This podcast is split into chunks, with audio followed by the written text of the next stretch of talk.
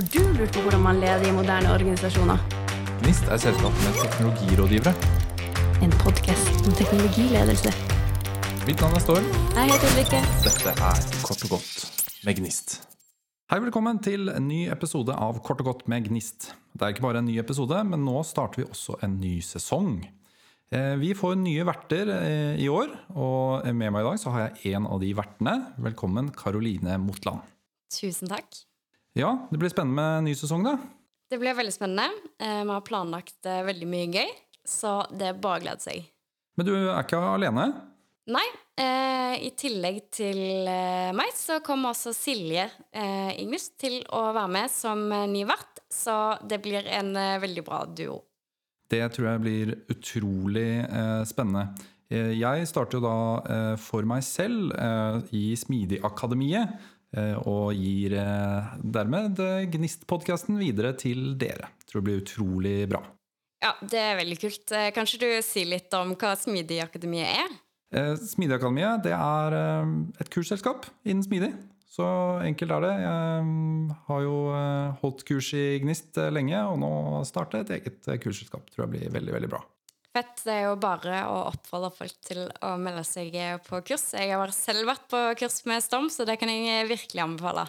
Tusen takk. Men kort og godt med Gnist skal jo vedvare. Og det skal fortsatt være kort og godt. Og vi snakker jo da om teknologiledelse.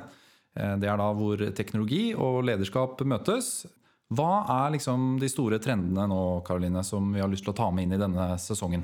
Ja, eh, vi tenkte jo at denne her eh, introepisoden skulle handle litt om eh, hva er det egentlig som eh, skjer ute i verden, hva skjer i Norge, og hva kommer til å påvirke eh, norske bedrifter, spesielt da, som driver mye med teknologi.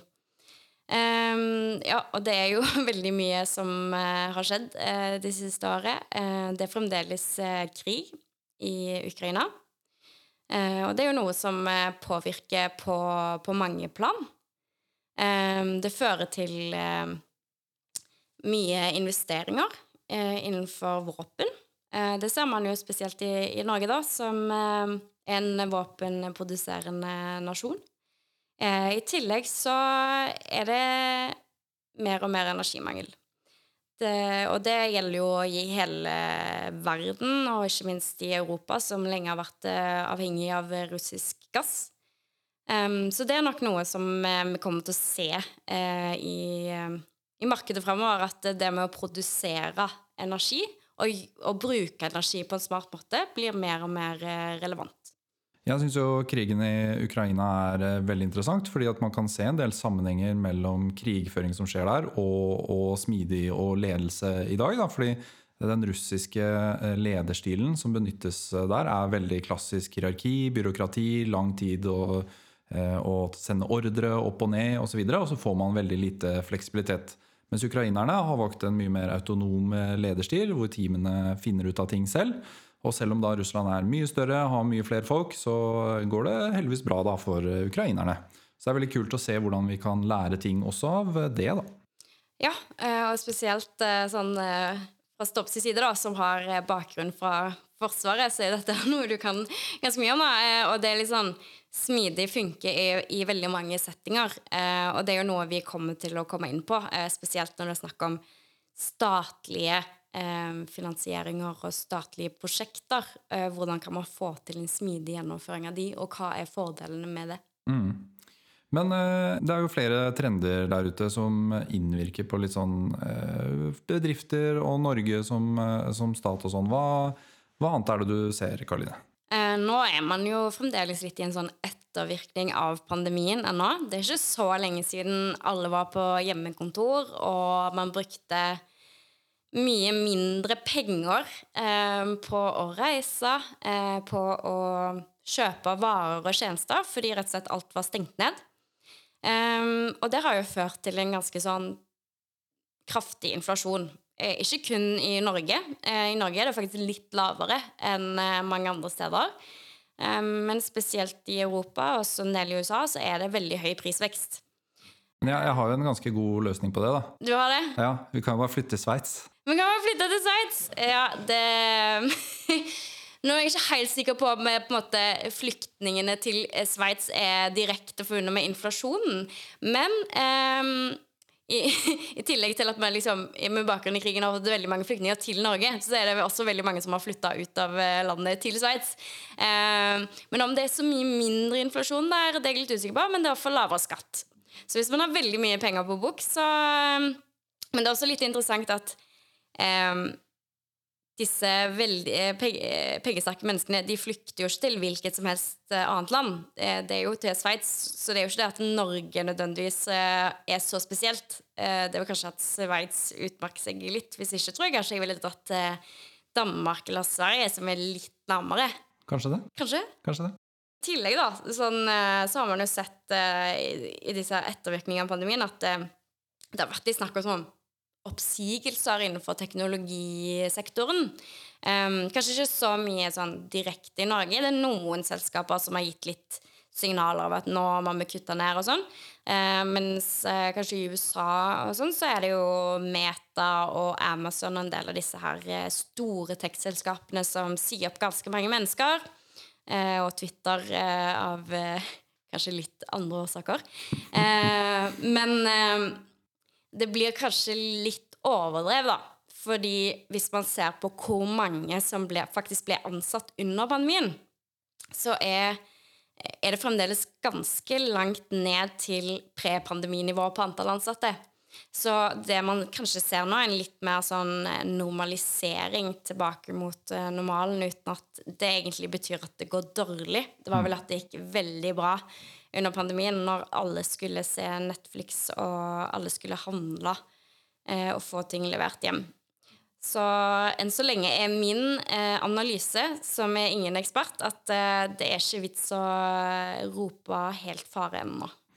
Men eh, dette er jo de store trendene, Karoline. Er det, er det noen ting som ligger litt mer nært oss i Norge, som vi burde følge litt med på hvis vi er leder i dette landet? Eh, ja, altså det er jo mange ting som, som skjer her også. Um, en ting som kanskje veldig mange har fått med seg, er jo Follobaden. Uh, ikke et rent IT-prosjekt, som kanskje det er gnisteeksperter på, da, men uh, det er jo likevel av uh, interesse. Fordi det er et stort prosjekt som har involvert mange aktører, og så har man ikke helt lykkes i å lansere det. og så kan man jo diskutere mange grunner. altså Vi skal ikke spekulere for mye i det, da. Eh, men det er jo eksempel på liksom sånne store, veldig sånn planlagte prosjekter som ikke har gått helt etter planen. Eh, I tillegg så har man jo denne her eh, helseplattformen. Nå føler jeg jeg snakker veldig mye om bare sånne negative ting, da, men det er jo det mediene liker å skrive om, og som kanskje folk har fått med seg. Men tanken for ganske mange år tilbake, så ti år tilbake, var at én innbygger, én journal. Det var målet. Og Helse-Norge er det et eh, komplekst system, både av juridiske grunner eh, og den strukturen man har med fylke, sykehus og kommune. Det er mange ulike eh, aktører som følger opp eh, din journal, da. Eh, og så i Helse Midt så ble det besluttet at eh, vi tester ut. Vi kjører på å innføre en plattform som skulle da eh, samle all informasjon om eh, en pasient i samme journalsystem. Kjøpt inn fra USA.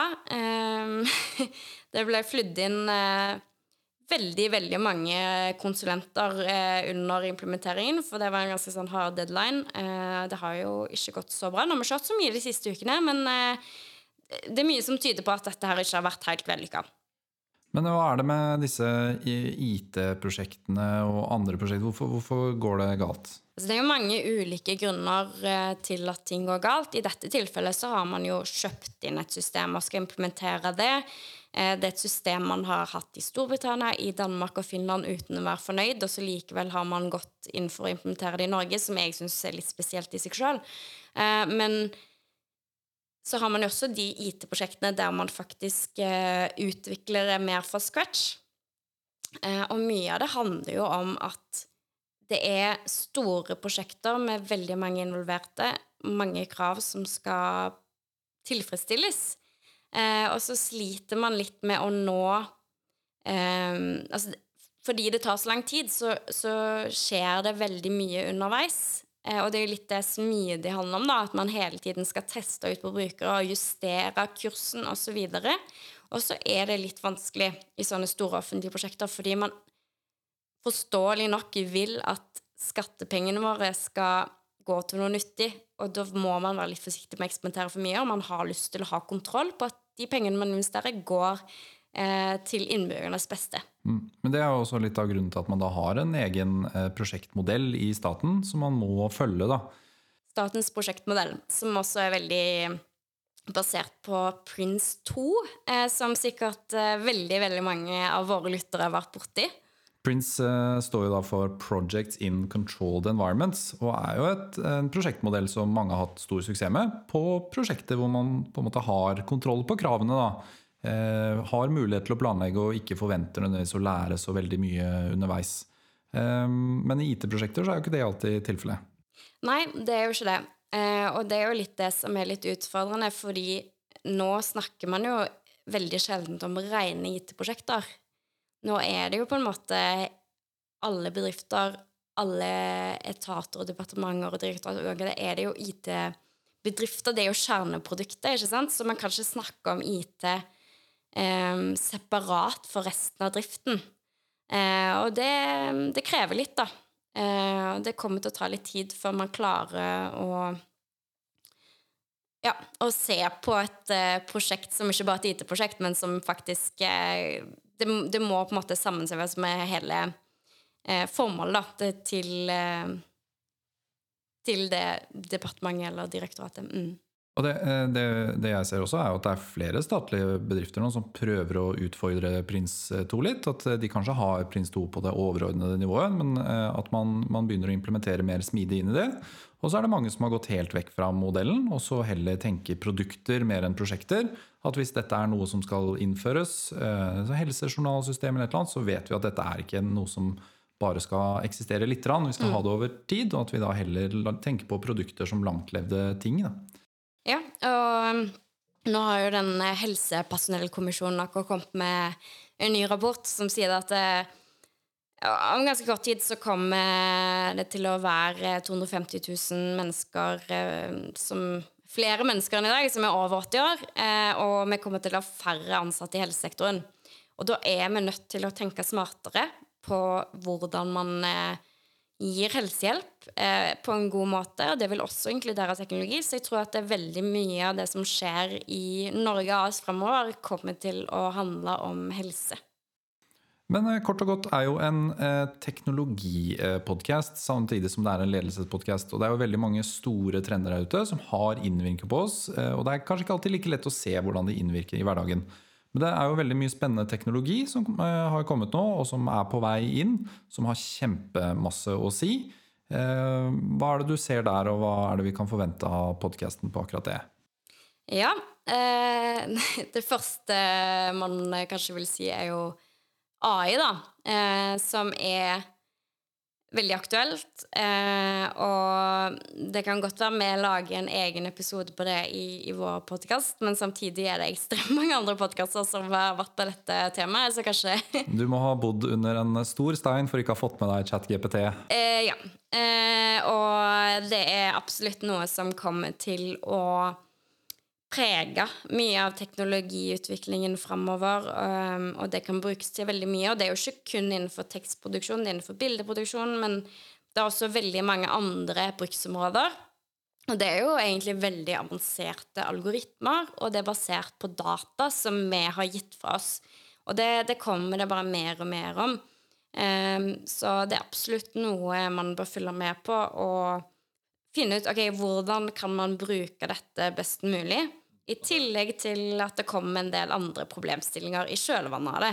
Og det, det, vi, eh, det jeg ser, at det er mange, altså AI-en og mye av teknologien er der, men vi vet ikke helt hvordan vi skal bruke den nå. ikke sant? Og, og vi ser at folk eksperimenterer, og jeg tror at her er det lurt å henge med. Altså. Det er garantert eh, lurt å henge med.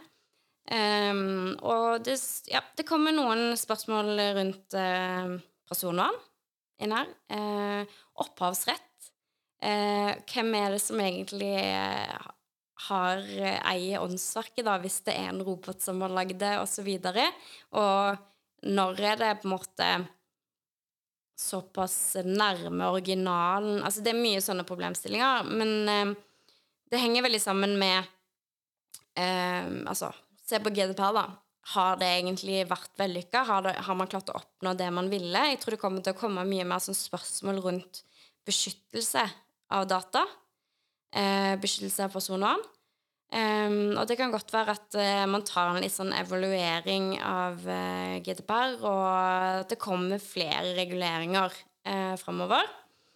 Um, og dette her med AI, altså man ser jo at det blir mer og mer eh, fokus på eksempelvis selvkjørende kjøretøy. Uh, som også på en måte bruker data fra folk som kjører rundt i Teslaer eller en hvilken som helst eh, eh, smartbil, da. Um, som da egentlig kan spore deg.